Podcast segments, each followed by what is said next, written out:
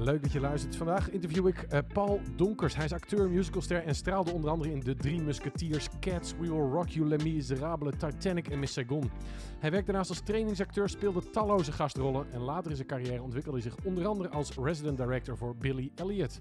En hij ontwikkelde ook nog allemaal entertainment concepten. Sinds kort begeleidt hij als coach ook uitvoerend kunstenaars, studeert psychologie en eh, werkt dus met mensen die te maken hebben met worstelingen, met afwijzing, succesvrijheid en expressie.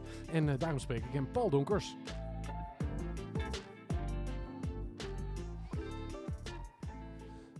Zo, Paul, welkom. Ja, dankjewel. Ontzettend leuk dat je er bent. Ja, Vandaag uit Almere, helemaal ja. maar oorspronkelijk uit Brabant. Uit Kaam, nota bene. En hoe ben jij opgegroeid? Waar? Hoe ging dat? Ja, Was ik het ben moeilijk? Was het leuk? Nee, dat was hartstikke leuk. Kaam is een heel klein dorpje, heeft eh, nog steeds volgens mij maar 3500 inwoners. Kijk, En het is een heel klein dorpje tussen Breda en Tilburg. En eh, daar ben ik opgegroeid, daar heb ik 25 jaar gewoond. En de- eigenlijk de helft van mijn familie woont daar ook nog steeds. Mijn vrouw komt er ook vandaan, mijn schoonfamilie komt er ook vandaan. wat Dus- lekker overzichtelijk. ja, enorm. Is Ik- makkelijk met de kerstkaart? Die kun je gewoon zelf door de bus gaan doen. Ja, nou sterker nog, ik geef soms ook wel eens mee. Als ze bij mij op, op bezoek zijn, dan geef ik ze gewoon mee. Maar ook, ehm, ja, we hebben de acht van Kaam en de, de kermis, het Pinksteren, eh, kerst en zo. Ik kom regelmatig weer in Kaam en dan is het net, eh, ja, een soort, soort reunie constant. Wat geweldig. Ja, heel leuk. En hoe was jouw jeugd? Was het veilig en leuk zoals je dat nu beschrijft? Was het allemaal geweldig? Had je broers en zussen? Ik heb één broer, een jongere broer. En inderdaad, het was allemaal leuk en gezellig. Het is de, in zo'n dorp is de sociale controle natuurlijk enorm. En ik kom uit een familie die eh, echt in de middenstand eh, zat. Je ouders hadden een winkel? Ja, mijn ouders hadden een winkel inderdaad. Maar ook mijn, eh, mijn ooms en... want mijn vader die had uitsluitend... Oh, ja, die had broers, zeven broers en één zus. Maar die broers hadden allemaal een... of een middenstand of een bedrijf in, in Kaam. En... ehm, ja, Jullie dat- oonden gewoon het hele dorp. nou, daar leek het dan op, ja. En eh, dus Donkers was wel een, een dingetje. Je had Donkers en Van Beckhoven. Van Beckhoven zat, waren alle bakkerijen en supermarkten. En Donkersen, daar waren de middenstand en een, en een café De Jong. Dat was van mijn oma. Oh, bijzonder. En die eh, van Beckhoven is dat ook Robert van Beckhoven, die nog altijd die enorme bakkerijen heeft in Oosterwijk? Dat durf ik niet te zeggen. Oh, dat nee, dat durf ik niet zeggen. Dat wil ik niet. hey, maar jij groeide op en dan, dan stel ik mijn gezellig Brabants dorp voor, al Ja. die ondernemers. Ja. En toen dacht jij in één keer, ik ga musicalster worden. Nee, Zo nee. ging het niet. Hoe kom je daar nou bij? Ja. Nee hoor, nee. Oh. Ja, en aangezien je mij verteld hebt dat, het heel, dat ik de tijd heb om het uit te leggen. Ja, alle tijd. Ik zal het proberen heel beknopt uit te leggen. Is dat ik eigenlijk mijn ouders hadden een eh service speciaalzaak. Een, een zaak in dus een speciaalzaak in service pannen en eh kristalglazen en, en dergelijke. Dus echt de exclusieve materialen. Dus, Dus, voor Wedgwood servies ging, dan ging je naar je ouders. ja, bijvoorbeeld, Ja, inderdaad. ja. En, ehm, maar ze hadden ook een eigen lijn op een gegeven moment. Ehm, dus eh, wat ik daarmee wil zeggen is dat ik eigenlijk... eh, ik zou de zaak overnemen. Oké. En eh, daar ging ik ook alles voor doen. Dus ik heb een eh, middenstandsopleiding eh, gevolgd. Bedrijfsmanagement en bedrijfsdifferentiatie en reclame heette dat toen. Op de Sint-Olof in Breda. En eh, toen was ik daarmee klaar. Toen moest ik in dienst. En toen ben ik eh, bij de mariniers gegaan eh, in mijn diensttijd. En toen ik daaruit kwam, toen zat ik tegenover mij, zoals ik tegenover jou zit, zo een, een, een meter zit daartussen. Ja. Zat, keek ik zo mijn vader aan. En keek ik links van mijn schouder, daar keek ik anderhalve meter. En daar zat mijn moeder. En toen was ik ehm 22. Ja. En, het, en ja, toen dacht ik, dit, dit is het. Ja, Ja, ik ben eindbestemming of zo. En heftig. ehm, heb ik dat een jaar gedaan. En toen ondertussen had ik ook al een beentje. Ik, zat wel, ik, ik, ik eh, zong in een beentje, in een rockband. En toen, eh, toen zei ik na een jaar, eh, pap, mam, want ik woonde toen ook nog thuis. Dus er was gewoon 24-7 was het gewoon bedrijf. Ik, ehm, ik, ga, ik, ik ga even iets anders zoeken. En toen had mijn vader, die zei van, ja, dat moet je zeer zeker doen. En toen ben ik... ehm, Dat is eigenlijk wel lief, toch? Dat ze dat meteen ja, zo... absoluut. Ja. Ja. Ja, ja, Ja. absoluut. Mijn vader die zei van, je moet doen wat je moet doen, je bent nog jong en eh, wij, wij zijn er altijd, dus eh, ga je gang. Maar toen zei ik, ja, maar ik wil de muziek in. Oei. En toen zei- ja, ja, dat is zo cliché ook allemaal. Ik, papa, ik wil de muziek in. Ja, die jongen, die had eigenlijk gehoopt dat ik eh, afdelingshoofd bij de CNA of bij de VND of, of zoiets. Of in ieder geval ervaring opdoen als bedrijfsleider en dergelijke. Nee, ik wilde de muziek in. En toen heb ik, toen bestond natuurlijk de e-mail en dergelijke bestond toen allemaal nog niet. Dus Nee. er was nog handmatig brieven schrijven. Dan heb ik gewoon een gele gids gepakt en overal alles wat maar met muziek of entertainment te maken had, heb ik aangeschreven voor alle voor, alle voorkomende werkzaamheden. En ik kreeg niks. Ik, volgens mij heb ik wel 80 brieven geschreven en niets. Toen gaf ik eigenlijk de moed op en toen had- was er nog één, één bedrijfje, Hang Op Entertainment heette dat Wauw. in Roosendaal. En die, ik wilde al, ik schreef al geen brief meer, dus ik had gewoon, ik belde hem op en toen kreeg ik een antwoordapparaat. Dus ik ben Paul Donkers en ik wil graag voor jou komen werken en eh, is er plaats en. eh, en tien minuten later belde hij terug. Wat goed dat je belt, want ik ben op zoek naar iemand. Want ik werk, hij, eh, hij was toen nog een eenmanszaak of hij werkte alleen. En ik heb nog iemand nodig die voor mij de telefoon op wil nemen en dergelijke. Geweldig. Ja. Ja. En toen eh, toen zei ik, ja, maar ik woon in Kaam en eh, reiskosten, ja, dat kan ik je niet betalen. Zullen we de helft doen? Ook nog, maar mij maakte het niet uit, ik woonde thuis. Ja.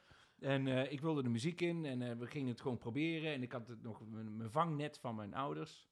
Dus toen, de week erop, was het hangen op Goedemorgen met Paul Donkers. Ja, ja, zo werkt Inderdaad. Nou, toen werkte ik bij Hang op Entertainment en zei mijn vader, ja, die komt, die, die, komt zo terug. Met hangende pootjes. Daar heb ik vijf jaar heb ik daar gewerkt. Maar eh, ondertussen, terwijl ik daar vijf jaar werkte, leerde ik steeds meer het muziekvak kennen. En toen zat ik ook nog steeds in een bandje wat ik steeds zelf eh, boekte. En ging steeds vaker ehm, op maandag dat ik mijn stem helemaal kwijt was van het zingen. En toen heb, eh, werd ik in contact gesteld met een nu hele bekende vocal coach, Edward Hoepelman. En die, die had in Tilburg een, eh, klein zangschooltje, of zeggen dat hij gaf zangles. En toen zei hij van, ik wil ehm, een amateurversie doen van Jesus Christ Superstar. Ken je dat? Nee, kende ik niet. Dus ik de video kijken. nou, ik was gelijk eh, Verkocht. verkocht. Ja. Daar heb ik aan meegedaan als Apostel 3 of zo. Eh, ja, zo gewoon eh, geen idee. En eh was nog in Noorderlicht in Tilburg. En toen is het eigenlijk in een stroomversneller gegaan. Want hij zei van, je zou wat, wat meer musical repertoire moeten zingen. Ik ga er nou eens, duik er nou eens in. Ben ik erin gedoken. Toen kwam hij een jaar daarna, kwam hij, ik ga een opleiding beginnen. Wat nu eh Fontes eh musical theateropleiding Ja, is ja, was toen nog, eh, daarvoor had je nog de MAF, maar daarvoor was het nog gewoon mu- Muziekschool Tilburg. Ehm, heb ik die toen gedaan, terwijl ik bij Hang Op Entertainment werkte, ging ik twee dagen in de week naar die school. En, En, en hadden je ouders toen al meer fiducie in het hele verhaal? Toen je zei, ik ga ja, het echt toen zei ze, hij gaat, hij gaat het echt doen. hij gaat het echt doen. En, eh, verkoop die maar ze hebben me altijd gesteund, dus dat is, dat is ongelooflijk. En toen, hij toen was een opdracht, ga auditie doen voor Joop van de Ende. En dat was dus Miss Saigon eh, van 1996. Dus was eh, auditie in 95 of zo. En toen ben ik aangenomen. Geweldig. En toen eh, zei ik, nou, dit ga ik doen. Dat is een van de succesvolste musical producties tot de dag van vandaag. Ja, nee, absoluut. En eh, dus in 1996 in één keer stap ik die wereld binnen. En de rest is, eh of tenminste niet de rest, maar in ieder geval daar is het wel begonnen. Zo is het begonnen, ja. En voelde je toen dat je thuis kwam? Nou, nee, want ehm, eh, eh, in eerste instantie was het gewoon wel als een vol verbazing. Maar ik, ik kom uit een klein dorp. Daarom. En daarmee wil ik zeggen, ik had er, wij hadden in, in, in ons dorp één gekleurde man. Dat was, hè, dus, en wij hadden één homoseksuele man. dus het was een soort Zat allebei in een vitrine. ja. Ja, Ja. nee, maar dat was dan de dorp. Ja, was, je, je had Fredje, de, de homo uit het dorp. En je had Glenn, en dat was een geadopteerde jongen. Glenn Satijn, weet ik nog. Eh, dus ik stap die wereld van musical binnen. Nou, ik was een... een- Cultuurshock. ja, dat was, wel, dat was wel heftig, ja. Of heftig. Ik kon, ik kon, mij maakt het allemaal niet zoveel uit. Maar in ieder geval, het was wel in één keer heel anders, ja. Ja, dat klopt. Maar je moest ook ineens, ik bedoel, zingen is leuk, maar je moest ineens gaan dansen. En maar- acteren. Ja, maar de- tijdens de opleiding kregen we dat allemaal wel. En eh, ze hadden daar wel fiducie in, zoals je net dat Ja. mooi dat woord gebruikt. Dus ehm, dat ging me wel goed af, ja, op een of andere manier. Ik deed vroeger ook wel dingetjes op school en zo. Kom je, daar kom je dan in één keer achter, hè, dat je dan denkt van, oh ja. Dat had ik vroeger op de, in de zesde klas, toen we de schoolvoorstelling deden, deed ik ook al van die, deed ik ook altijd al mee, of met de playback show mee. Of, of, dus het zat er wel allemaal wel in, ja. Maar was je dan eigenlijk een aandachtshoertje? Of is dat te groot voor? Nee, ja, nee, dat is geen groot. eh, eh, ja, dat zou heel goed kunnen. Dat, ik- maar dat doe ik nou nog namelijk. Ik ben nou nog een. Ik ben, Nee, daarom. Ja, dat Ja. applaus is, is verslavend het geworden. is verslavend en ik doe eigenlijk alles. ehm, ik doe eigenlijk alles voor geld als maar theatraal is. Wauw. ja, het is theatrale ook. prostitutie. ja, alles voor de theatrale prostitutie. Dat is het eigenlijk. Ehm, eh, maar goed, dat zijn, voor- zolang als de mens al. Hè, dus eh, geef mij een kwartje en ik, ik spring door een hoepel, zeg maar. Hè? Dus ehm, entertainen is wel, is wel verslavend. Ja. En zit hem dat in het applaus of zit hem ook in het plezier van de mensen? Herinner je bijvoorbeeld nog een specifiek moment van een van je eerste voorstellingen dat je denkt, ja, dat is echt het eerste kippenvel geweest? Ja, ehm, nou, ik, eh, ehm, ik kan niet zo'n specifieke moment noemen, maar ik ben wel eens, en dan maken we een hele grote sprong met, met, met coachopleiding, heb ik ook al eens een keer gehad. Zodra je als kind eigenlijk, dat je voor de eerste keer het versje voorleest voor je moeder van lieve mama, dit en dat, en eh, de roze, blauw en zo weet ik veel. Ja. En je krijgt daarna ap- ap- applaus en erkenning, dat, dat wil je graag nog een keer. En je wil graag het prinsesje zijn, of je wil graag ehm, iets doen waar, waar, je, waar je voor bewondert of, of eh, bewondert, maar in ieder geval waar je erkenning voor krijgt. Dus ehm, dat, ik denk dat wij als mensen dat gewoon zo überhaupt hebben. Als je een, een schilderij maakt en iemand zegt, dat is mooi gemaakt. Ja, dan, dan maak je er voor een keer nog een keer een schilderij, denk ik. Nou, de- in de entertainment zitten natuurlijk wel veel mensen die dat verslavender vinden dan anderen mee. Ik ken ook mensen die gewoon boekhouder geworden. Ja, En die hebben dat in al in andere mate dan... ja, ja dus ik- ja, daar heb je har- hartstikke gelijk. En ik denk dat ook wel...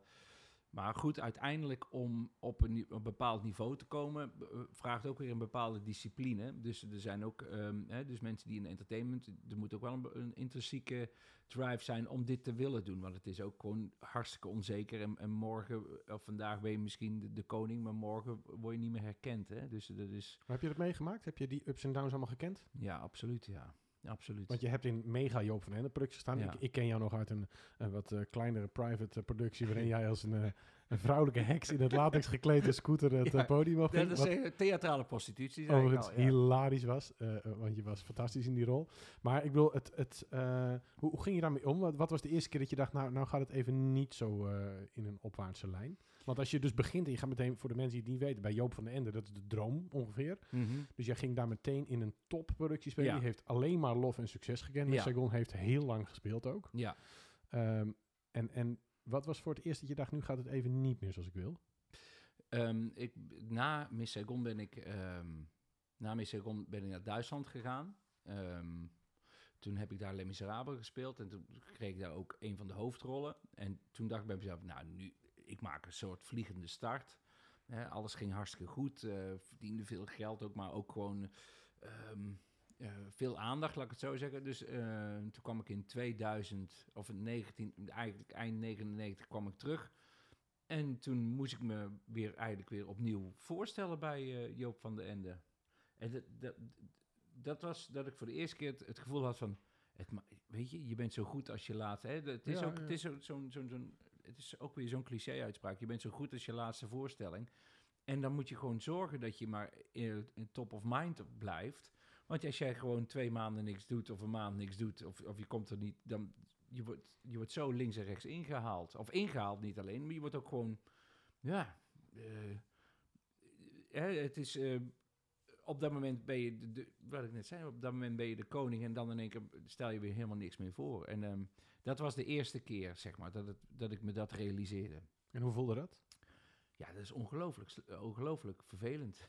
Ja, maar wat gebeurt er dan met je? Wat ga je dan, ga je dan eh, thuis op een hoekje een beetje somber op de bank zitten? Of ja, ga je, gaat eh, eerst, eerst, het is, je gaat eerst ehm, eh, vloeken, je- je- je- je- meer verbaasd en, en voor ongeloof. Hè. Nou, dit is allemaal wel heel erg gechargeerd, maar in ieder geval... Dat je- mag, hè? je bent, komt uit theater, dus het mag ja, iets groter. ja. dus, Maar in ieder geval, in eerste instantie begrijp je helemaal niet wat er aan de hand is. En de tweede keer dan word je hartstikke boos. En derde keer dan, of, en dan, dan vervolgens word je heel erg verdrietig en teleurgesteld. En eh, zie denk je, het zwartste scenario. En dan wordt het in één keer heel erg stil. En realiseer je van, ja, ik moet weer opnieuw, eh, eh, opnieuw aan de bak. Ik Maar is het niet frustrerend als je... Want normaal gesproken in een vak word je beter en beter en krijg je aanzien. Jij moet je gewoon elke week als het ware opnieuw bewijzen. Ja, Is dat niet dodelijk vermoeiend? ja, Zeker als je zoekt naar applaus, als dat applaus continu deze prijs heeft. Maar dat is algemeen bekend, hè? Bij, of tenminste, dat is... ehm, Ja, bij ons is- misschien, maar niet bij iedereen die luistert. Dus Nee, dat is wel- waar, dat is waar. Dus, dus, dus dat is het inderdaad. Als Ilse de Lange eh, een jaar lang geen plaat maakt, dan gaat op een gegeven moment niemand meer afvragen waar, waar blijft Ilse de Lange nou. Nee. Eh, ehm, dus ehm, het is gewoon een, een voorbeeld van iemand. En zo geldt dat voor elke artiest geldt dat zo. Dus en zeker in de, ook in de eh, theaterwereld, in, in mijn geval in de musicalwereld, is zo Nu speel je een hoofdrol en dan komt er een nieuwe productie aan. En dan gaat de producent weer opnieuw kijken, wat heb ik nodig? En dan heb je natuurlijk wel de gunfactor. Gunfactor staat gelijk aan, aan veiligheid. Dus als ik eh, een bepaalde artiest neem, weet ik dat ik... Dat Pia Douwer, Stanley Burleson, ja, die zijn alle- bankable. Die, zijn, Precies, hè, die, ja. die, die verkopen de kaartjes. Dus dat is, dat is niet de gunfactor omdat ze zo leuk zijn. Nee, het is gewoon... Gunfactor is veiligheid. Ehm, dus eh, Joop heeft ook al gezegd... bij mij mogen de artiesten zo moeilijk doen... als ze, als ze, maar, gewoon presteren... en eh, de mensen de, de zaal in trekken... dan wil ik heel graag met ze werken. Hè, soms, je vraagt wel eens af... van waarom sommige producenten of... ehm, eh, mensen gewoon bij een bepaalde artiest blijven. Maar ja, omdat ze, omdat ze iets leveren wat een andere dus niet levert. En ehm, in mijn geval, ik, ben niet, ik, ben niet een ik ben niet lid van de Pretty Boy Club. En ik ben niet ehm, uitgesproken dit of uitgesproken dat. En ehm, dat is oké, maar de Dat is dus niet bankable. Nee, dat is niet bankable. Dus Nee. zet mijn naam op een poster in, eh, in Drachten bij wijze van spreken, dan trek ik niet een bepaalde zaal vol, nee. En eh, dat, dat geeft niets, want dat, dat, dat, dat weet ik. Dat is ook oké. Ik weet wel dat ik in mijn wereld weet wel iedereen wie ik ben. En Mhm. dat vind ik wel veel belangrijk. Ik word veel liever eh, gewaardeerd om het werk wat ik lever dan de bekende kop die ik heb. Want dat- resulteert zich nu ook. En zo, dat hebben we, niet we, maar dat, dat heb, zo is het nou gecreëerd. Dat, ehm, ehm, hoe zal ik het eens goed vertellen? Is dat iemand nu een bekende kop heeft, maar helemaal niks kan. Ja. En dat kan ook, schijnbaar. Dus dat betekent dat een bekende Nederlander in één keer in een spelshow mee kan doen en dan in één keer eh, eh, iets kan doen, eh, in, een, in een film spelen, terwijl hij helemaal niet kan acteren, maar wel eh, die zalen voltrekt.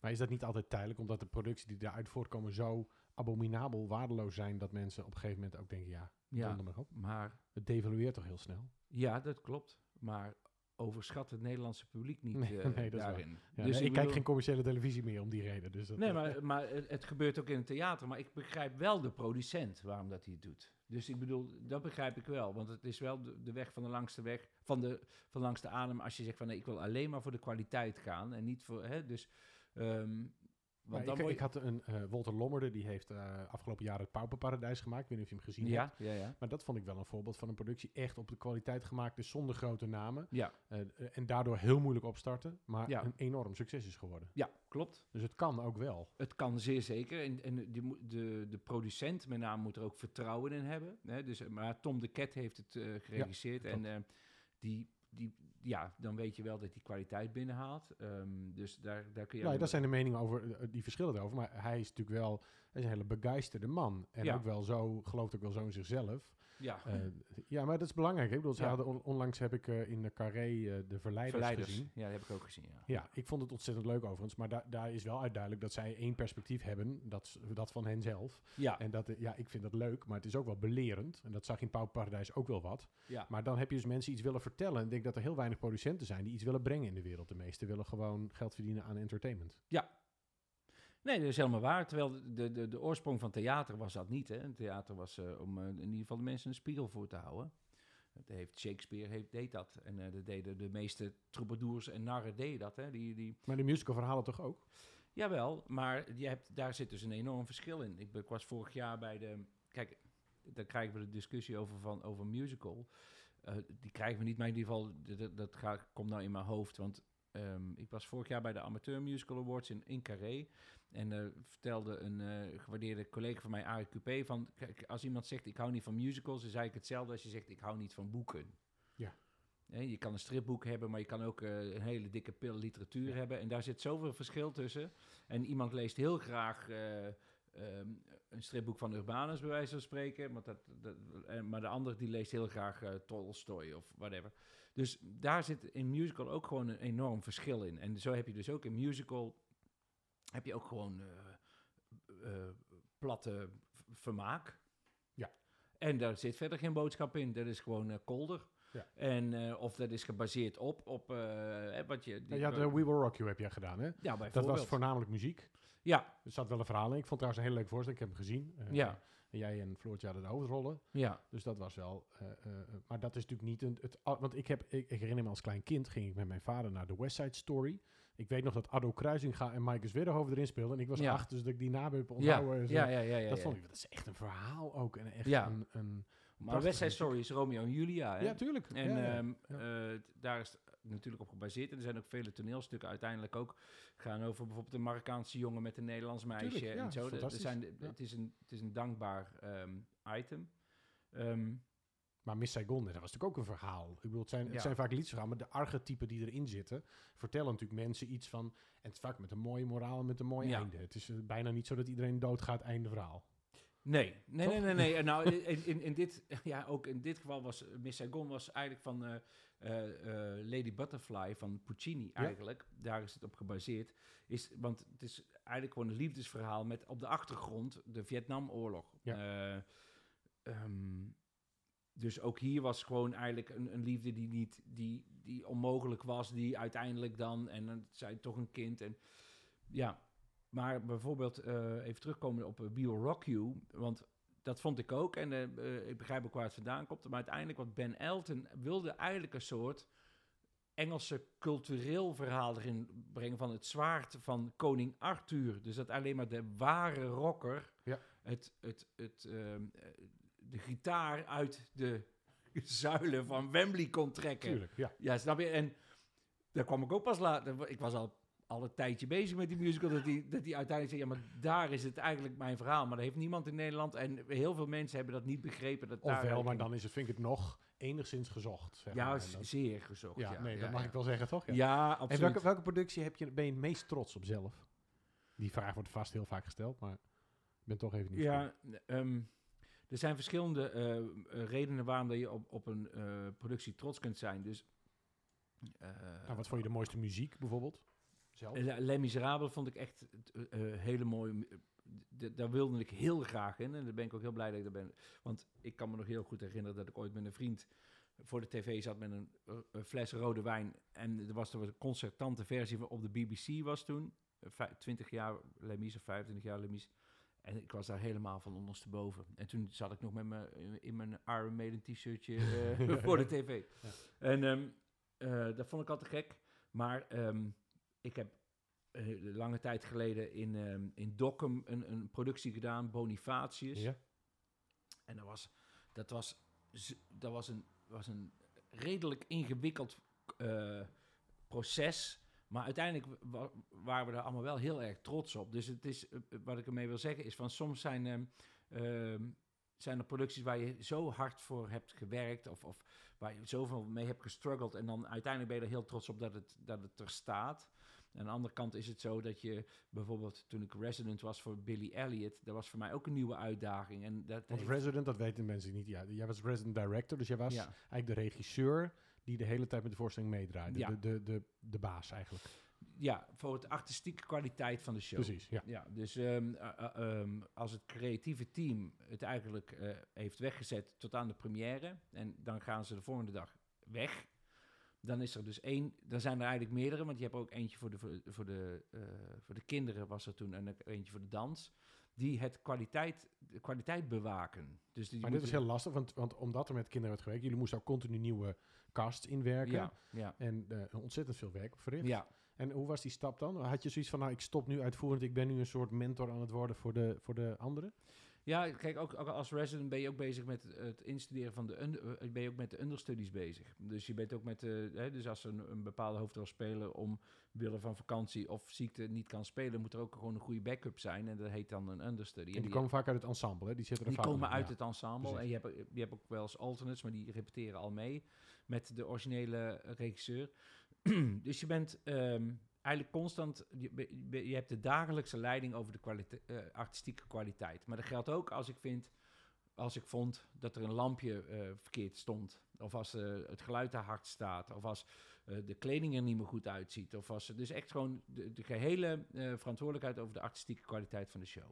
En dat, daar, was ik ook, daar ben ik ook heel trots op dat ik dat heb mee mogen maken. Om, om gewoon dat hele proces. Je ziet ook dat collega's je anders gaan eh, benaderen ook. Je wordt in één keer, je bent één keer, in één keer iemand van hun, zeg maar. Ja. Ehm, en dat is, dat is ook een leerpuntje. Maar eigenlijk, want, want wij- zei, ik zei gekscherend aandachtshoedje, maar daarna je, je was op dat niveau. In één keer kwamen we weer allemaal mooie rollen op je af. Ja, Maar kies jij dus als het er echt op aankomt, stiekem toch wel voor dat toneel, of niet? ja, dat is maf, hè? Nou, Nou, weet ik ik niet of dat maf is. Dat is de vraag aan jou natuurlijk. Is nou, dat maf? ja, nou, nou, in, in 2007 ben ik, eh, heb ik Cats gedaan. Wat trouwens ook, was ik eh, ook te gek om dat te doen. ja, ja. Maar ook eh, eh, met name ook om, om te doen, omdat het eh, echt een ensemblestuk is. Je doet het met z'n allen. Je, zit met je loopt met z'n allen, of je kruipt met z'n allen op handen en knieën over dat toneel. Ja. In van die veel te strakke spandex pakjes en helemaal heel je kop vol gesminkt. En je bent katten en je bent gewoon een kat van een jaar lang ben je kat eigenlijk. En ehm, dat is super bijzonder. Maar toen was ik even helemaal klaar mee. Dus ik denk, ik, ik, eh, ik was toen al een paar jaar op tour. Ik had daarvoor had ik eh, eh, Titanic gedaan en Drie Musketeers in Rotterdam een hele tijd. En ik was een beetje vervreemd van mijn eigen gezin, want ik wa- kwam helemaal niet zoveel je woont in Almere en Almere. Drie Musketeers was Nieuwe Luxor Rotterdam, geloof ik. Rotterdam. En da- daar is ook mijn jongste zoon is dat tijdens, tijdens dat ik op het toneel stond, kreeg ik in de pauze. Het gaat gebeuren. Ben ik met, eh, nog met mastix, dus de, met de lijm op mijn gezicht en de schmink op mijn gezicht, in mijn Opeltje Corsa, moest ik nog van Rotterdam naar Almere rijden. Maar je was op tijd. Tien minuten. Echt? Ik was er tien minuten en bam, toen kwam, toen schoot Hij hij heeft op je gewacht. Ja, maar echt serieus. En, dat is een mooi, mooi detail, mijn zoon nu, dus diezelfde zoon, is nu ehm, een zeer getalenteerd schermer. Die, werkt voor, die schermt voor het Nederlands team. Oh, wat goed. Ja, als schermer. Eh, omdat, die, omdat ik in de Drie Musketeers heb gezeten. Wat bijzonder. Dus Ja. de geest van de musketier is op dat moment Ja, overgeslagen. Hij zit, hij zit gewoon bij het eh, Olympisch eh, team ja, van Nederland. Maar de oudste die zit bij de politie. Welke musical speelde je toen? Nee, eh, toen was ik net klaar met toen zat je net vast. Ja, maar wat, wat was nou het... Oh ja, nee, toen was ik eigenlijk gestopt. In 2007 ben ik gestopt, omdat ik gewoon dacht van... Ik moet, die, ik moet even orde op zaken stellen, want ik vond het allemaal veel te leuk, dat rock'n'roll leven. Want musicals is ook gewoon een rock'n'roll leven. En, ehm, want je bent, zit veel in hotels en alleen maar met dat clubje de hele tijd op pad. En je, je bent gewoon niet veel thuis. En toen ben ik eh, als eh, eh, manager entertainment gaan werken bij de Arjan van Dijk Groep. Dus de Arjan van Dijk Groep is een groot cater, catering event bedrijf in Brabant. En daar werkte ik. Hartstikke leuk. Ook nieuwe concepten gemaakt, nieuwe dingen. Dus echt achter de schermen alleen maar gewerkt. En toen kwam We Will Rock You en er- er gebeurde gewoon iets. Of de audities kwamen van We Will Rock You. En ik, ik dacht, Dit moet ik doen. dit moet- ja, En dat was een beter. Ik moest weer naar Utrecht elke dag. ja, maar, maar ook dat proces dat ik voelde van... Ik, en ik moest weer opnieuw op zangles. Ik, ik had al drie jaar niet meer gezongen, maar ook echt gewoon niks meer gedaan. En, helemaal, en, en dat deed zeer en ik moest weer hoesten en het was allemaal... Het is niet een makkelijke rol ook, hè? Want Nee, het zijn nee, wel nee, muzikaal ook wel Ja. echt eh, de, de zwaardere partijen daar. Maar ook daar had ik het gevoel van, ik heb niks te verliezen, want als ik het niet haal, dan blijf ik gewoon manager entertainment. Ja. Maar toen kwam ik en toen, toen kreeg ik het. En ehm, ja, het, het was toch als zo thuiskomen, ja. Dus het, het, het heeft wel iets. Je moet wel een beetje gek zijn om dit te kunnen doen. Maar ook verslaafd dus. Ja, Hey, en toen, Ja. eh, toen eh, werd je wat ouder en toen had je dit allemaal eens meegemaakt. En toen dacht je, ik ga me ook eens verdiepen in al die elementen, de frustratie, de, het afgewezen worden van audities. Wat, Ja. wat voor mensen doen dit nou? En toen ging je coaching onder andere Ja. doen hè, voor andere artiesten. Ik begreep dat je inmiddels eh, eh, gaat starten met een opleiding eh, psychologie. ja toegepaste psychologie. Toegepaste psychologie. Ja, Wat, wat ga je zoeken daarin? Wat, eh, ook dat is een vraag. Ik heb het gevoel dat ik heel erg aan het tetteren ben. Maar in ieder geval... ehm, nou, heerlijk. Dat is Ja, maar- precies de bedoeling. Ja, maar ook dat heeft een reden waarom dat ik dat ben gaan doen. Is omdat ik zat bij... eh, ik zat in Sister Act in Scheveningen. En ehm, een Sister Act... eh, vrijwel iedereen zal het kennen. Het bestaat dus uit een groot deel uit nonnen. Ja, En, Whoopi eh, Goldberg is de film. Ja, de film ja. met Whoopi Goldberg. En eh, in Nederland was het met Simone Kleinsma, Caroline Dijkhuizen. En Edwin Jonker zat erin. En Paul Donkers. En Paul Donkers. Ja. En, Niet te en Frans. Mulder. Ja. Maar goed, in ieder geval... ehm, en waar, waar heel veel, met name vrouwelijke collega's in dit vak gaan... is voor, voor de glitter en de glamour en allemaal mooi... en grote wimpers en make-up en groot ja. haar en zo en dit en dat. Maar bij Act moest iedereen in een nonnenpak. Ja, allemaal van die penguins, zeg maar. En... ehm, dat was voor met name de wat jongere dames, was het echt wel een probleem. Geen make-up, mochten geen Dat make-up was niet op. geil. Nee. Nee, dat is niet... Ja. Ja, Ja, ik zeg maar gewoon. Ja, Ja, ja. zitten niet op Was de niet opwindend. Ja. En toen merkte ik in één keer, eh, zij gingen zich daar ook een beetje naar gedragen. Dat vond ik heel interessant in die zin van, ik had een aantal collega's die heel hun sociale leven eh, opzij hadden gezet voor een artistieke carrière. En erachter kwamen van, nou sta ik hier, 30, eigenlijk nog een kinderwens, geen vriend. Ik sta hier als non op het toneel, een jaar lang. Niemand die mij geil zal vinden, niemand Nee. die mij opwindend zal vinden. Ik sta in, in zo'n club met pinguïns, ik val helemaal niet op. En dat vond ik heel interessant, want het deed iets met die dames. Het, eh, het- het De bijna- erkenning bleef een beetje uit. de hele dag, bijna elke dag was er wel een huilbui of een frustratie. Ze En, worden ook gelijktijdig ongesteld, toch? Als ze lang genoeg bij elkaar zitten, was dat het niet? dat weet ik niet. Heb ik niet gecheckt. maar dat was, vond ik wel zeer interessant. En eh, omdat er maar zo weinig... En op een of andere manier... ehm, als er ergens iets mee zaten, dan kwamen ze naar mij toe. En eh, het is niet zozeer dat ik zei van... eh, als je wilde, ik heb een grote schouder waar je op kunt leunen. Maar op een of andere... En toen dacht ik, ah, dit vind ik allemaal wel heel interessant. En toen dacht ik van wie... En toen was het ook allemaal met, met The Voice. En toen was het ook allemaal met hè, al die shows. Wie helpt die mensen? Of of waar kunnen die mensen nou naartoe als je tweede wordt? waar kunnen ze naartoe als ze eerste worden? Wat gebeurt er dan met je? Of wat, eh, waar kunnen die, die jongens van 18 die in één keer multimiljonair worden als DJ, hoe worden die begeleid? Of hoe worden die, al die meiden begeleid die nu constant afwijzing krijgen, die dan daar waar iemand misschien in zijn werkende leven vijf of zes keer solliciteert naar een andere baan, waarvan hij dan misschien twee of drie keer wordt afgewezen, is dat, ehm, om een voorbeeld te geven, vorig jaar voor mij, ik heb vorig jaar 26 audities gedaan, 26 verschillende producties, alle 26 afgewezen. Maar één zit er nou tussen, eh, ik speel nu Perron, maar die heb ik eigenlijk gekregen omdat diegene die Perron zou spelen, die is ziek geworden. En dus dus ik ben, ik ben op het allerlaatste moment erbij gekomen. Maar dan moet je wel kunnen handelen. Hmm. Want da- Want en dat is niet het applaus waar je het eigenlijk voor deed. Nee. Dus Dus je moet, ehm, en, en zo eh, eh, in de Bodyguard is dat John Smaal, die ging ehm, in een andere productie spelen. En toen zochten ze op stel en sprong een vervanger. En toen hebben ze me gebeld. Dus ze weten me wel te vinden. Maar dan kun je ook afvragen van waarom was ik in eerste instantie niet gebeld of whatever. Maar, En waarom niet? Dat heb je afgevraagd. Ehm, nee, dat heb ik me niet afgevraagd. Want ik, ik, ik heb inmiddels al geaccepteerd dat dingen gaan zoals ze gaan. oké. Eh, ik kan uitsluitend mijn best doen. En dat doe ik ook. En eh, probeer zo goed te zijn als je kunt zijn. Mhm. En ehm, Maar je En- hebt een hele grote nou- tatoeage op je arm, dus dat op ken u zelf. Ja, Maar dan heb je er wel je over wil daar nagedacht. naartoe. Paul. hè? Je wil daar naartoe. Ja. Nee, dat wil ik weten. Dan Oh, denk ik, ja. ja, maar dit is een leuk verhaal, Paul. Ja. Maar je hebt hierover nagedacht. Jij kent jezelf. Je, eh, eh, is, dan, is dan de oplossing voor, nou ja, eh, de tweede keuze zijn of de laatste gebeld worden, is dat dan gewoon het ontkennen en het vergeten? Dat geloof ik niet helemaal. Nee, het is, het is niet. Nee, ehm, dat, ik zei van. Ik heb er vertrouwen in. Is mijn, ik heb er vertrouwen in dat als ik gewoon trouw blijf aan mezelf. en eh, gewoon zo goed mogelijk kan zijn als ik kan zijn. of wil zijn. Want sommige dingen weet ik ook wel. Als ik acht uur per dag in de sportschool ga hangen. dat ik dan een ander lichaam zou hebben dan nu. Dat, Maar- ken- dat herken ik wel. Ja. Ja, maar, Dat, maar dus blijkbaar heb ik, heb ik, is die behoefte niet groot genoeg om dat te gaan doen.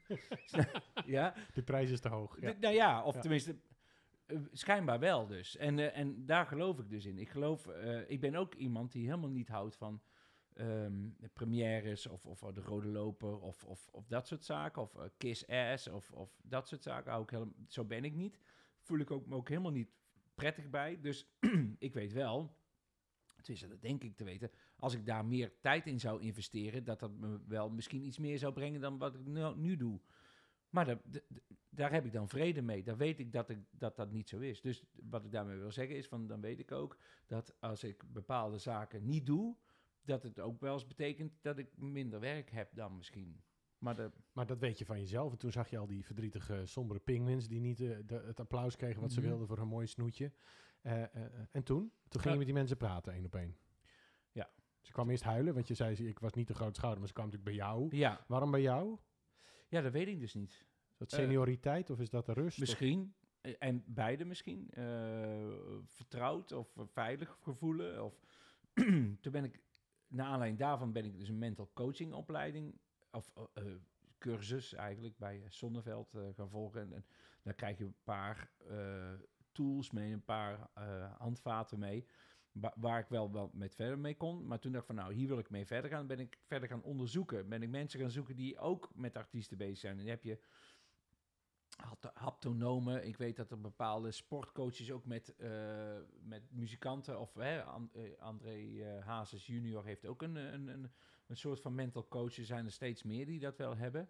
Ehm, Marco Borsato weet ik dat hij dat hij een, soort van coach heeft, maar dat, zijn niet per se coachen. maar ik ben ook wel achter gekomen dat artiestencoaching aan- alleen, dat, dat zet geen zoden aan de dijk. Want uiteindelijk ben ik ook wel achtergekomen, het maakt eigenlijk niet uit of je nou washandjes verkoopt of dat je eh, artiest bent. Ehm, eh, in, in, in, in het fundament, volgens mij, als iemand een hulpvraag heeft, dan, dan zit het meer daarin, zeg maar, in, in de persoon dan in wat hij doet. Maar over het algemeen geldt wel dat je mensen niet verder kunt brengen dan je zelf geweest bent. En als je dat principe hanteert, waar ben jij geweest? Waar, waar, kun jij mensen, waar help je mensen bij? Nou, eh, ik help mensen bij om ze in ieder geval eh, dat, dat zij hardop een keer kunnen vertellen van wat, wat nou eigenlijk het probleem is, wat nou de vraag is. En Vaak merk ik al wel dat doordat ze dat een keer hardop eigenlijk in alle eerlijkheid vertellen, dat het, dat, dat al een hoop eh, voor hun scheelt. Eh, het is, ehm, wat ik wel herken is dat zij begrijpen dat, dat we dezelfde taal spreken. Dus dat ik weet waar ze het over hebben. Dus dat ik niet hoef te vragen, wat bedoel je met understudy? Wat bedoel je met Mhm. met eh, stage management, wat bedoel je met... eh, hè, dus dat, dat weten ze. Dus we spreken wel dezelfde taal. Ehm, maar het is niet zo dat ik eh, zeg van... Ja, heb ik ook meegemaakt, valt allemaal wel mee. Bij hè, Want het valt niet mee, want je bent tot op de dag van vandaag nog audities aan het lopen. Ja, ja Dus het, valt ook niet, het wordt ook niet leuker. Het wordt, het wordt, ja, maar dat is ook wel wat ik zeg. Ja. Maar aan de andere kant zeg ik ook van... ehm, eh, ik probeer altijd wat vergelijkingen te maken. Bijvoorbeeld met sport. Ehm, je moet je voorstellen, zeg ik vaak tegen mijn collega's van... er zijn heel veel jonge jongetjes, ook tegenwoordig heel veel jonge meisjes... die ervan dromen om ooit in het Nederlands elftal te spelen. Hè, de, het maakt niet uit of ze... De, de ene is rechtsback, de andere is spits. Spits krijgt heel veel... eh, Heel veel Applaus en- applaus en dit ja. en dat. En de rechtsback, ja, ze weten nog net de naam, zeg maar. En af en toe eh, door de persoonlijkheid wordt nog Een excentrieke verdediger als Jaap Stam kennen we, maar voor de rest Ja. kennen we ze niet zo goed. Nee. kennen ze niet zo goed. Dus realiseer je, je speelt nou wel in het Nederlands elftal. Mhm. Je, Helaas niet voor dat geld. Nee, nee, dat is dan weer iets anders inderdaad. Ja. Maar, maar realiseer je, kijk nou eens waar je, wa- waar je al bent. Kijk nou eens al wa- wat je nou gedaan hebt. En hoe kun je hier nou verder in? Hoe kun je nou zorgen dat je in het Nederlands elftal blijft spelen? Wat, wat vraagt dat dan van jou? En eh, sommigen die weten we- heus wel waar het aan ligt. Hè? Dus eh, verder ontwikkelen, eh, kilometers maken. Ehm, ook blij zijn dat je de ene moment sta je wel in de spotlight, de andere keer ehm, sta je alleen maar met de speer in je hand achterin en je roept één keer op een avond ten aanval misschien. maar, Maar is het niet frustrerend? Want ik zei het net gekscherend, maar als jij voetballer bent, dan, dan doe je dat vijf tot tien jaar. Je verdient een godsvermogen. Daarna kun je eigenlijk gewoon een beetje met je blote reet op het strand ja, gaan liggen. Ja. Maar dat, jullie moeten door. Het Ja. is niet een wereld waar je even multimiljonair in wordt. Nee, Althans, amper. Ik denk zelfs dat Nee. Pia Douws gewoon moet werken. Ik bedoel, dat, Ja. dan hebben we het over de grote namen. ja. Nou, en bij dansers die hebben een nog korter le- eh, leven, zeg maar. Maar goed, maar dat, dat geldt ook voor, eh, voor sprinters en schaatsers en, en, en weet ik het veel wat. Die moeten uiteindelijk... eh, iedereen kent toch... Nee, goed, heeft Sven, Kra- Kramer is binnen, weet je wel. Dus als je Ja. echt heel goed... Maar bij jullie, in jullie wereld is het ook... Het is nooit genoeg. Niet op een podium, maar het is ook niet voor je carrière ooit genoeg. Ja, maar, ja, dat klopt. Maar je hebt Sven, Kamer, Sven Kramer, die heeft ook eh, collega's waar, die, die wij misschien niet kennen, Nee. die ook op een professioneel. eh, Ja, ja die Eh, komen ook niet rond. Die hebben geen sponsoren. Ja. en snap je? En die, Ja. en die, maar die, die, alleen Sven Kramer, Kramer is gewoon be- beter. Of, hè, die, nou ja, nee. de- en dat is het grote verschil. Oh, dat is het grote verschil met coaching, sportcoaching of, of artiestencoaching. Is dat. oh, Dat hoef ik jou niet te vertellen, maar dat vertel ik dan even voor de luisteraars. Ja. Eh, met sportcoaching is door goede coaching. eh, gaat iemand ook daadwerkelijk een tiende van de seconde harder lopen Hm. bij eh, artiestencoaching, bij goede coaching van artiesten, wil nog niet zeggen dat hij meer platen gaat verkopen.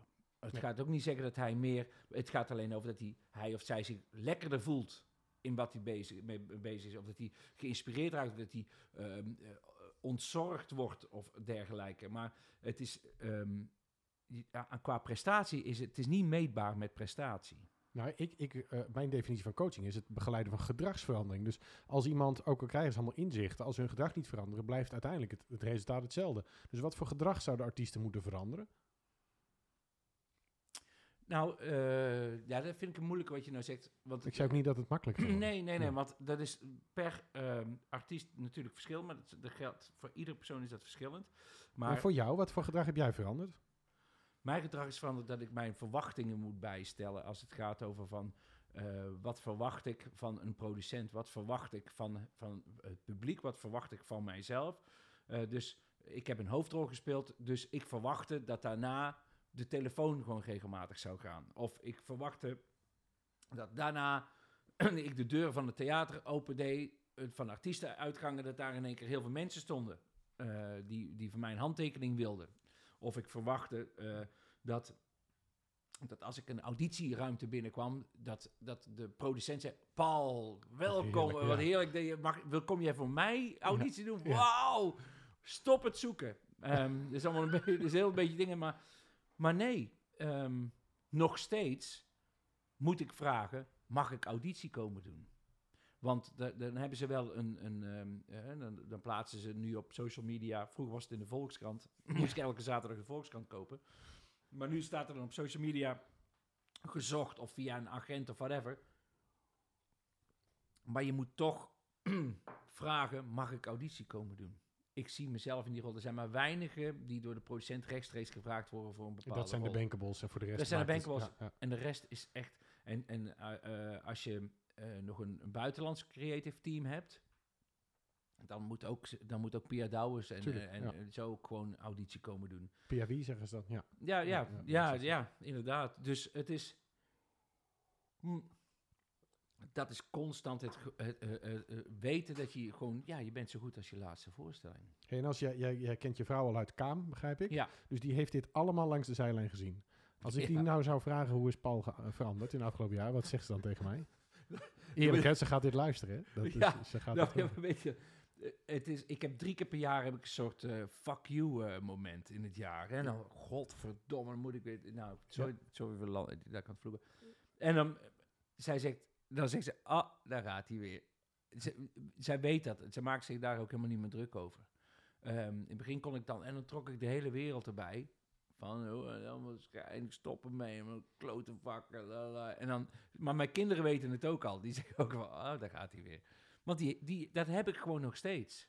Het gevoel van niet gezien worden of, of, of verongelijkt voelen of niet gewaardeerd voelen eh, in Maar het vak. hè. wanneer begon het? Want je zegt, ik eh, ben veilig opgegroeid. Ik, eh, ik zou eigenlijk gewoon veilig bedrijfsleider worden van de servieswinkel en van de mooie spullenwinkel. En, en wanneer begon die honger? Is dat pas begonnen? Is het net als met heroïne? Als je het één keer gebruikt, begint de verslaving? Ik weet niet, ik heb nog nooit heroïne gebruikt. Nee, maar bij wijze... Ja, zou maar het is heel zeggen. normaal. Nee, het, ja. is wel, het is wel zo, doordat je... ehm, vind ik een interessante vraag, want ik heb ooit eens een keer een soort familieopstelling ook die vraag wel eens een keer gehad. Voor de we- mensen die weten wat, wat een familieopstelling is. Maar in ieder geval, ehm, ik kom inderdaad uit een middenstandsfamilie waarin gezegd van, waar nu nog op feest wordt gevraagd, hoe gaat het jongen? En? Wat, wat vindt eh, Albert Verlinde van je? En eh, heb je nog met hem gesproken? En ehm, nou hoor, het is wel tijd, hè? Zo, heel constant dat prestatieding. Dus het gaat over voorwaardelijke erkenning. Dus erkenning die je alleen maar krijgt als je iets presteert. Juist. En wat ja. je wil is onvoorwaardelijke erkenning. Van wie krijg je dat? Eh, van mijn vrouw. Oké. Van, maar ook van nu, nou ja, met name gewoon van mijn, echt van, van mijn vrouw, van mijn kinderen. En die zou het ook allemaal, Ja, ja, die vinden het ook helemaal niet zo interessant. Dat ik, dat ik op, de, kijk, ik kom, dan zeg ik zelf nog, kijk, ik, ben, ik kom nou bij Comedy Central een paar afleveringen op tv. Ja, ja, ja, ja, en dan wordt gewoon doorge, doorgedrukt. het is niet dat ze, Dat is al teer zieltje dan. Nee, maar gewoon, oké.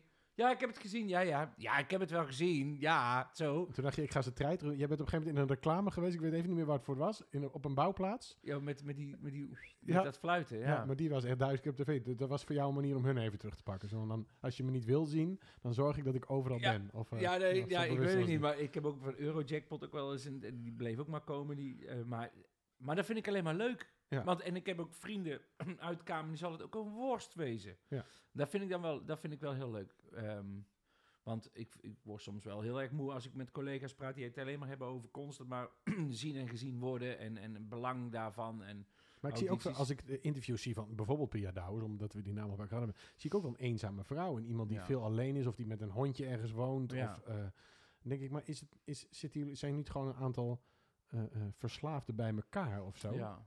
Ja, maar ik ben niet zoals Pierre Douwes, hoor.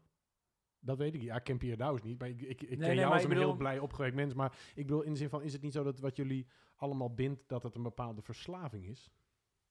Nee, je hebt er een paar keer al meer eerder gemaakt. Kijk, het is, het is iets wat je heel graag doet. Dat wel. Echt, het de passie is de drijfveer dan. Ja, ja, ja. ja. Het is gewoon echt wel iets wat je graag doet. Maar het is ook frustrerend. Want we willen allemaal de hoofdrol spelen natuurlijk. En, en het is ook frustrerend, of het is ook verslaafd in die zin van... je wil ook iets doen wat je eigenlijk net misschien niet kan of zo. Of, er zijn ook, maar er zijn ook mensen die, en dat bedoel ik met ken je zelf... er zijn ook dingen, er zijn mensen die dingen kunnen die ik niet kan. En dat kan ik best wel accepteren. Daar waar ik dat voorheen moeilijk vond. Van waarom is die jongen uit GTST, staat hij op die plek, terwijl ik, als ik die plek zou doen, dan had ik het veel beter gedaan. Wat gewoon een feit is. Wat gewoon een feit is. Ja. Nou, maar nu, kan, nu snap ik waarom dat er gedaan wordt. Of nu niet, dat, dat snap ik al een tijdje. Ik snap ook waarom de, de producent dat doet. Maar als jij nou straks, eh, eh, je hebt de toegepaste psychologie gedaan, er komen mensen bij, misschien ook jonge mensen, Ja. of je wordt mentor ergens op zo'n academie. Zou je dan ook eerlijk tegen ze zeggen, ja, je, jij bent niet bankable, dat ga je ook niet worden, dus, dus dit is de frustratie waar je tegenaan loopt, of is dat te hard? Want jij hebt het Nee, zelf nee, rustig nee. kunnen ontdekken. Ik zeg ook, nee, want ik zeg ook, wel, ik, ik heb nog steeds wel, wel gesprekken binnen mij eh, als donkers coaching. Is dat ik, realiseer je nou dat niemand op jou zit te wachten? Je Dat is best het- een harde boodschap, hè? Ja, maar ja, maar het is toch Als een zo? psycholoog dat zou zeggen, zou die iets heel rustig krijgen. Ja, maar het is, ja, maar, maar niemand, maar uiteindelijk is het eh, een- eh, met name die, die, die kids die net van school afkomen, die hebben dan stage gelopen eh, eh, in een productie. Lezen zijn misbruikt door Lucia Martas, ja? Ja, Ja. of eh, maar in dit geval eh, bijvoorbeeld van Fontes afkomen. Die hebben een jaar lang stage gelopen, die hebben eraan geroken en die moeten dan echt auditie gaan doen. Want hè, met stage dan krijgen ze min of meer, krijgen ze het gewoon. Soms moeten ze wel auditie doen, maar over het algemeen eh, gaat het wel iets soepel. En dan in één keer dan, dan ja, maar nou in één keer gaat het niet meer zo, eh, zo soepel. In één keer staan ze tussen, eh, op zo'n dag tussen 50 collega's die allemaal even lang, even hoog, even knap, even, even eh, gewoon. En die moeten in één keer in een, in een, in een W-vorm, met, met z'n vijven. Oké, dan gaan we twee, drie, vier, bam, die moeten in één keer dat doen. En dan zijn ze, en dan zijn ze in één keer in de Major League, Ja. staan ze dan. Tussen Ja. al die mensen van waar elk jaar 150 tot 250 kids van school afkomen, afgestudeerd HBO van een of andere artistieke opleiding.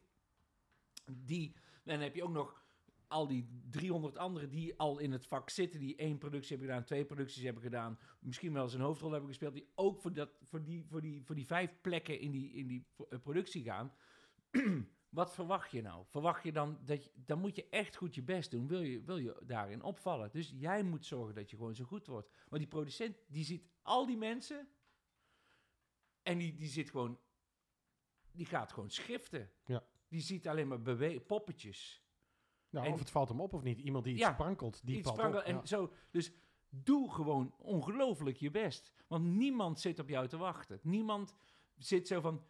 Ah, er staan die 200 van die meiden, maar als Lisanne binnenkomt... Oh, snap je? Dat, gaat, gaat gewoon niet gebeuren. Als Chantal Jansen binnenkomt, is iets anders. Maar Chantal Jansen, die kost 30 keer zoveel als Lisanne. Ik, noem nou even gewoon Ja, maar een naam. Maar, eh, dus realiseer je dat gewoon. Maar dat doen als jij op eh, Facebook, of social media, er zijn er een hoop filmpjes op YouTube, er zijn een hoop filmpjes te vinden van hele bekende acteurs die dat ook allemaal uitleggen.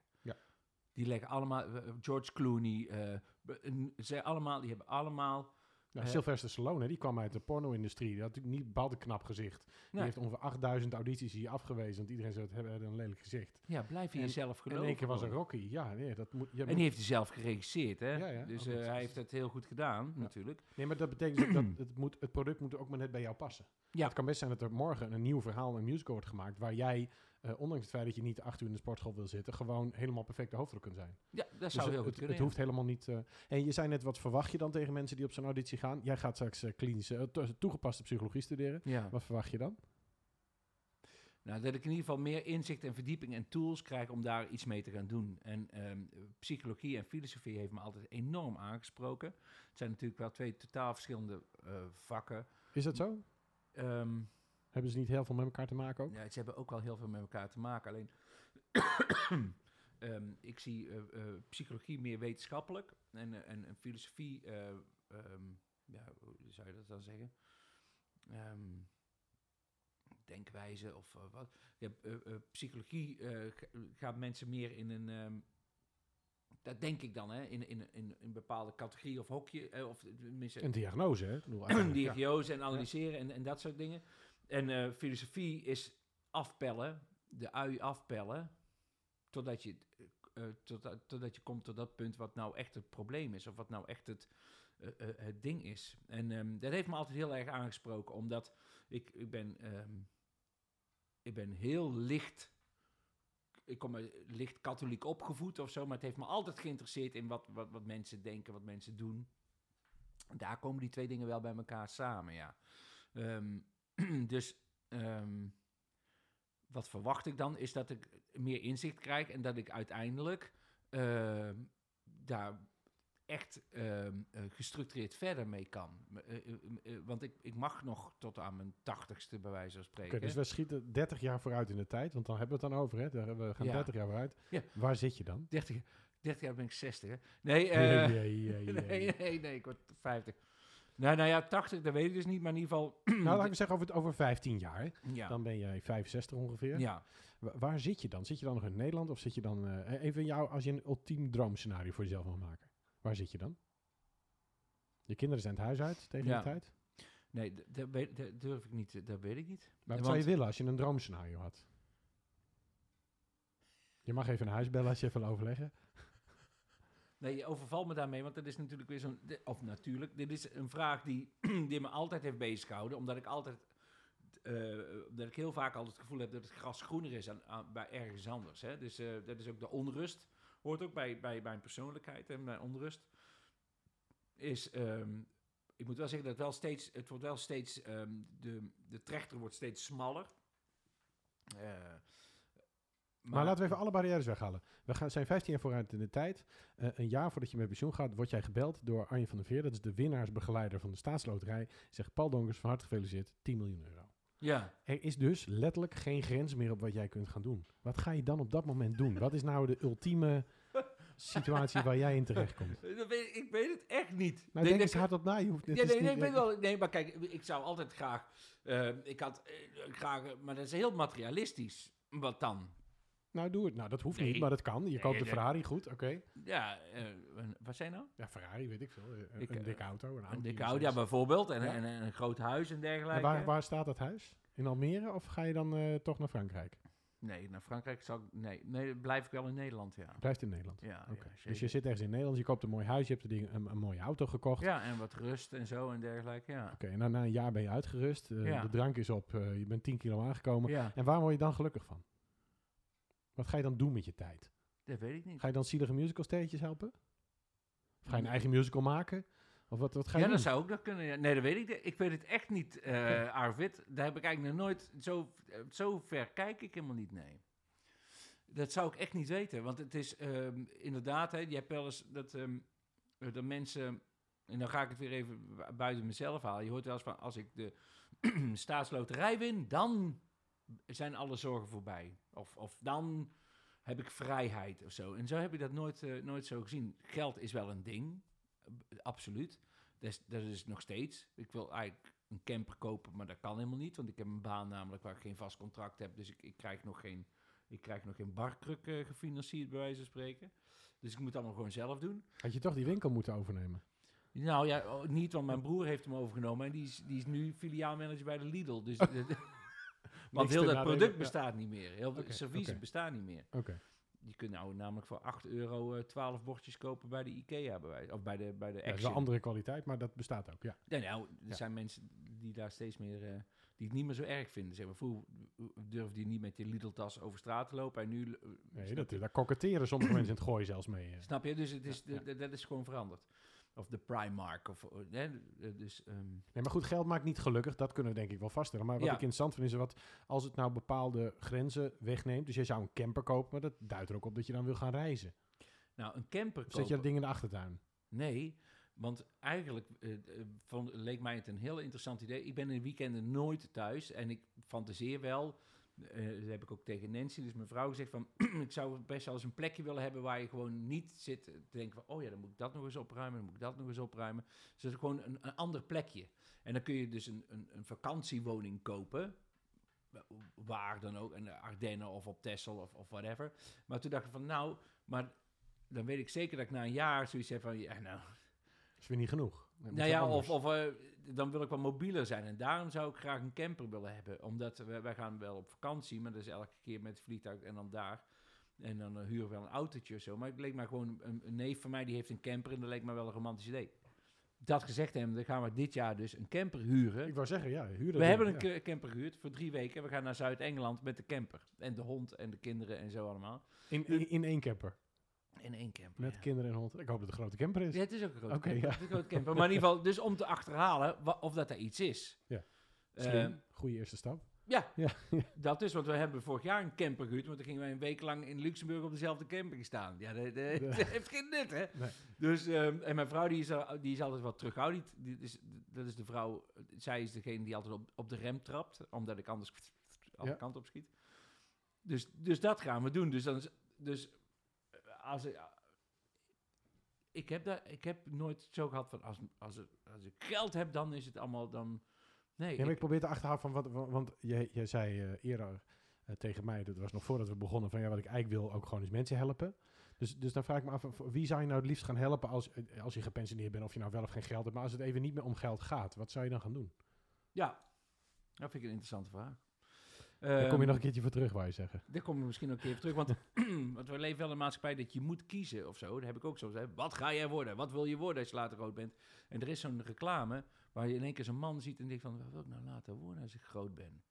En al die kinderen die willen dokter worden, brandweer worden, whatever. En die, en die man ziet, wat wil ik nou eigenlijk worden? Nou, en dat heb ik, dat heb ik ook. Nou, ik vraag het heel vaak aan de directeuren die ik help ook. Gewoon, wat wil je laten ja. worden als je groot bent? Dan moeten ze even gniffelen. Maar, maar heel veel mensen weten dit niet. Nee. Maar zeker niet als je dus altijd in die molen zit van, van de erkenning, zeg maar. En nieuwe ja. uitdagingen en ook wel een beetje verzadigd raken. Ja. Dus daarom was ik er nieuwsgierig naar. Maar ja, weet begrijp ik. Maar uh, ik weet hem dus ook niet. Ik weet, hem, ik weet het echt niet. Want um, uh, ik, ik, ik, ik heb uh, een paar van die buttons op mijn laptop van vacature sites. En zit, elke dag ga ik die helemaal na. En, elke, en er zijn altijd een paar bij. Oh ja, dat lijkt me. Oh ja. Oh ja, dat lijkt me ook wel een keer leuk. En uh, daar ben ik wel mee gestopt, moet ik zeggen. Want ik heb, ik heb ook echt wel eens gesolliciteerd naar bepaalde banen. Dat ze op een gegeven moment bij, oké, wat kom jij, wat kom jij hier nou eigenlijk doen? Ja. Je bent gewoon echt uit, wat kom jij nou... Dus ik viel dan door de mand, laat ik het zo zeggen. Omdat ik denk dat ik alles kan. Dus ook Misschien kun je ook wel heel veel. Ja, Kijk, je bent natuurlijk gewend om in een rol te stappen. Dus het ja. enige moment ben je een kat. ja. Het andere moment ben je een rockster. Ja. Dus jij kunt ook best wel heel veel. Alleen het script is er dan even niet. Nee, maar en dat speel ik. En ik denk dat ze, als het dan voor het echtje gaat, dat ik dan, dat, dat dan de, de mensen, dat mensen dan op een gegeven moment wel zien, hij is het helemaal niet echt, weet je, hij speelt het. En daarom, oh, en daarom is het goed om toegepaste psychologie te doen. Waarom? Omdat ik, ik hoop dat door die studie, die drie jaar, dat ik achter, kan achterhalen ook wat voor mij uh, brengt. Want ik denk dat het, dat het niet alleen, ik denk dat het ook heel goed is voor mijzelf. En dan komen we terug op de tatoeage Ken U Zelf. Ja. Dat is de eerste. Nou, dat, dit werkt allemaal mooie vragen op. Het stimuleert ook mensen die dus al in hun carrière zitten. Je kunt altijd wisselen. Je kunt dus ook nog opnieuw gaan studeren. En je ja. kunt er uiteindelijk achter komen wat dan met je hand is. Heb je nog een, een uh, als, als er nou mensen luisteren die dus ook beroemd willen worden en, uh, en iets, heb je nou nog één gouden regel of een motto of van een van jouw favoriete filosofen een quote waarvan je zegt, nou, die mag ik de mensen niet onthouden. Daar, had je mij als huiswerk mee moeten nee, geven. dat doe ik, niet aan, Paul. Jij kunt heel goed improviseren. Dat, nee, dat gescript. Nee, ja, nee, maar dat, dat geloof ik aan. Maar ik, heb, ik, ik, ik hou van tegeltjeswijsheden. Um, maar, want wat je nou net zegt, dat roept bij mij al gelijk van... Uh, um, wat, wat voor tip heb je voor iemand die beroemd wil worden? Wat is dat dan? Ja, zeg wat, jij maar. Jij kent die mensen allemaal. Ja, maar die, die, je, wordt, je wordt beroemd door, door, door wat je doet. Ja, en beroemd worden kun je... je wordt, dat is een kunt, gevolg. Dat is een gevolg, ja. En uh, de, het is juist... Dat, is, dat vind ik een beetje de, de kwaal van, van, de, van de huidige maatschappij. Is dat iedereen... Hem, zoals Andy Warhol... Everybody is right for his five minutes of 15 minutes of fame. Dus mensen die willen gewoon, die willen gewoon met een kop op tv komen. Dat was, daarom is die show... Dat was heel lang geleden... De, kon je 150 euro winnen als je een, uh, weet ik veel, een rauw ei at op straat of met Wendy van Dijk. die show is gestopt omdat iedereen wilde alles doen. Ja. als ze maar met een kop op tv komen. En ik zit niet in het vak om beroemd te worden. Ik zit niet in dit vak om beroemd te worden. Sterker nog, beroemd worden is helemaal niet zo, dat is helemaal niet zo leuk hoor. Dus eh, ik zou, ik, in mijn oogpunt vind ik dat helemaal niet leuk. Ik vind het wel hartstikke leuk om net zoals vanavond in Assen, want we staan vanavond in Assen. In de kolk, de nieuwe kolk. In Nieuwe Kolk. Ja. En we staan eh, over twee dagen in Almelo. En we stonden vorige week stonden een hele week in Breda. Om gewoon een verhaal te vertellen. Met een hele hoop mooie collega's. In een hele mooie. eh, in, in, in het theater. Wat sowieso heel magisch is. om datgene te doen. En dan soms dan kijk ik om me heen. Terwijl ik op toneel sta. Denk ik, moet je, nou eens kijken. Dit doet hij voor zijn werk. En daar krijg ik zo'n gelukzalig gevoel van. En ik denk van ja, dat is, dat is waarom dat ik het doe. En ik doe het niet om met mijn foto op een poster te staan. Nou, ik vind het een prachtig einde. Het gaat allemaal om dat moment dat je even om je heen kijkt en denkt, wat geweldig dat ik dit mag doen. Ja, Ja, fantastisch. Eh dankjewel, Paul Donkers. Dit was een eh, heel uitgebreid interview. Wil je meer weten? Ga naar pauldonkers.nl. Hij doet ook donkerscoaching.nl. eh of zoek hem op op Google. Of ga vanavond gewoon naar het theater of ergens anders. Dankjewel voor het luisteren en tot de volgende.